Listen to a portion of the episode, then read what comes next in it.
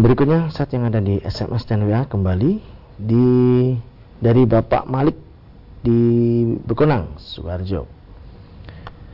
Ustadz, bagaimanakah cara meyakinkan anak-anak kita bahwa ikut-ikutan jadi supporter bola, organisasi bela diri, dan organisasi-organisasi yang lain bisa terjebak dalam asobiah.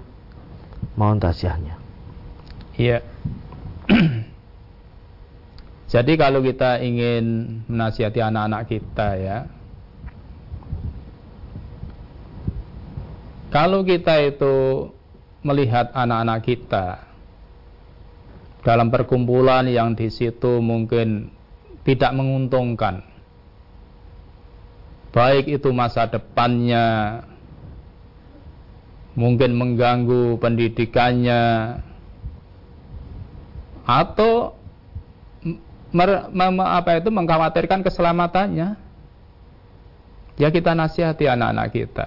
Kita dunung-dunung ke kita dunung-dunung ke kalau anak yang sudah besar kan sudah bisa mikir.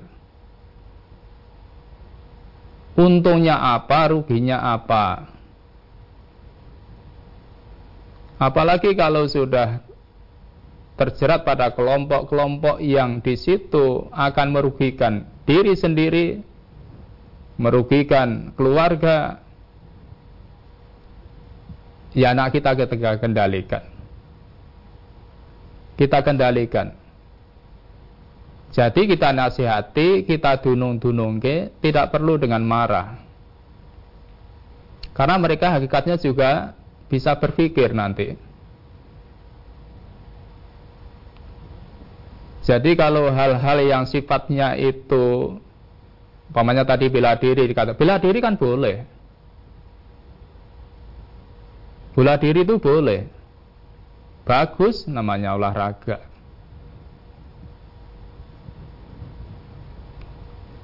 Maka yang begitu itu didunung-dunung ke.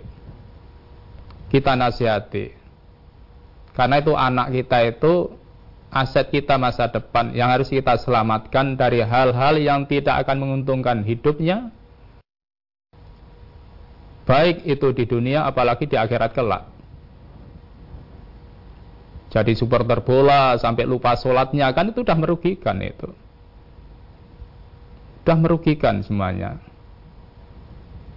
Maka dengan kedekatan dengan kasih sayang kita nasihati anak-anak kita. Begitu, semoga bermanfaat.